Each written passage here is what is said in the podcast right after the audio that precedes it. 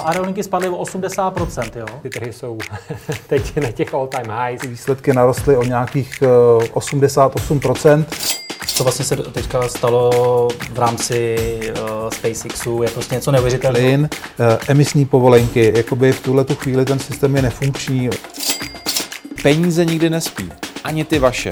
Dobrý den, vážení posluchači. Vítáme vás u dalšího podcastu investičního webu. V něm nabídneme to nejlepší z našich videí a také původní komentáře a analýzy domácích i zahraničních tržních expertů. Ekonomika, tradiční trhy a alternativy na jednom místě. Dobrý poslech přeje Petr Novotný. Co čeká trhy v roce 2022 a jak ochránit portfolio v inflačním prostředí? Poradíme na lednovém investičním fóru. Registrace probíhá na webu investičníforum.online.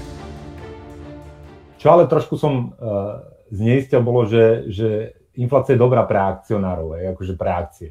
To nutne je pravda, že, že je dobrá takáto, ktorú máme teraz. Že, že Pavel sa zbláznil a za dva mesiace vytlačil 2 bilióny nových dolárov. Taká je super, hej, lebo z, tých, z tej korekcie 30% to vystrelilo na, a robí to maxima každý deň pomaly. Hej. Čiže takáto je super. Ak ale tá inflácia bude dlhšia a tie trhy pochopia, že je dlhšia, tak sa nachádzame v úplne inom vesmíre. A, a teraz akože, lebo čo je to akcia? Akcia je dlhý stream budúcich príjmov. Hej. Dajme tomu, že 50-ročný stream 10, 10 dolarových príjmov z výnosov tej firmy, e, čistá súčasná dnešná hodnota toho je akcia. No ale je obrovský rozdiel, keď dáme do toho diskontného modelu tých budúcich príjmov 1%, 2% alebo 7%.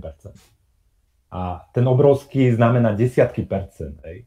A teraz ak mám pravdu a tá inflácia bude dlhšia, ak si to tie trhy uvedomia, tak nás čaká obrovské precenenie všetkých aktív na svete. Ale obrovské, lebo momentálne 30 rokov máme paradigmu, že úroky a spotrebné ceny, teda akože, lebo od toho sa to odvádza, lebo centrálna banka to cieľuje od toho, budú klesať a že sme Japonsko, všetci sme Japonsko.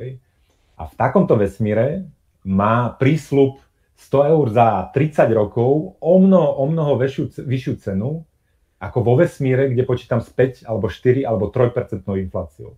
Hej. To sú desiatky percent, to je ten exponenciál. Hej, že pekne, to je preto, pre, prečo sa mení cena 30-ročnej hypotéky s tým úrokom. Stačí to, že to poskotí o percento a sú to desiatky percent.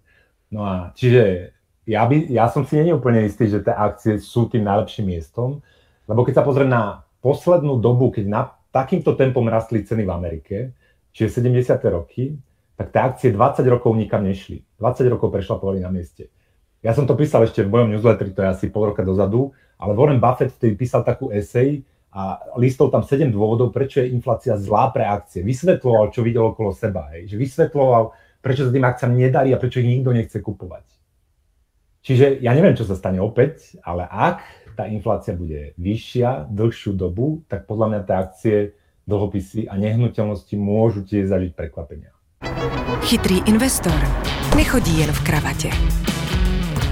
Chytrý investor už dávno nesedí celý den v kanclu. A taky ví, že jsou důležitější věci než grafy a čísla.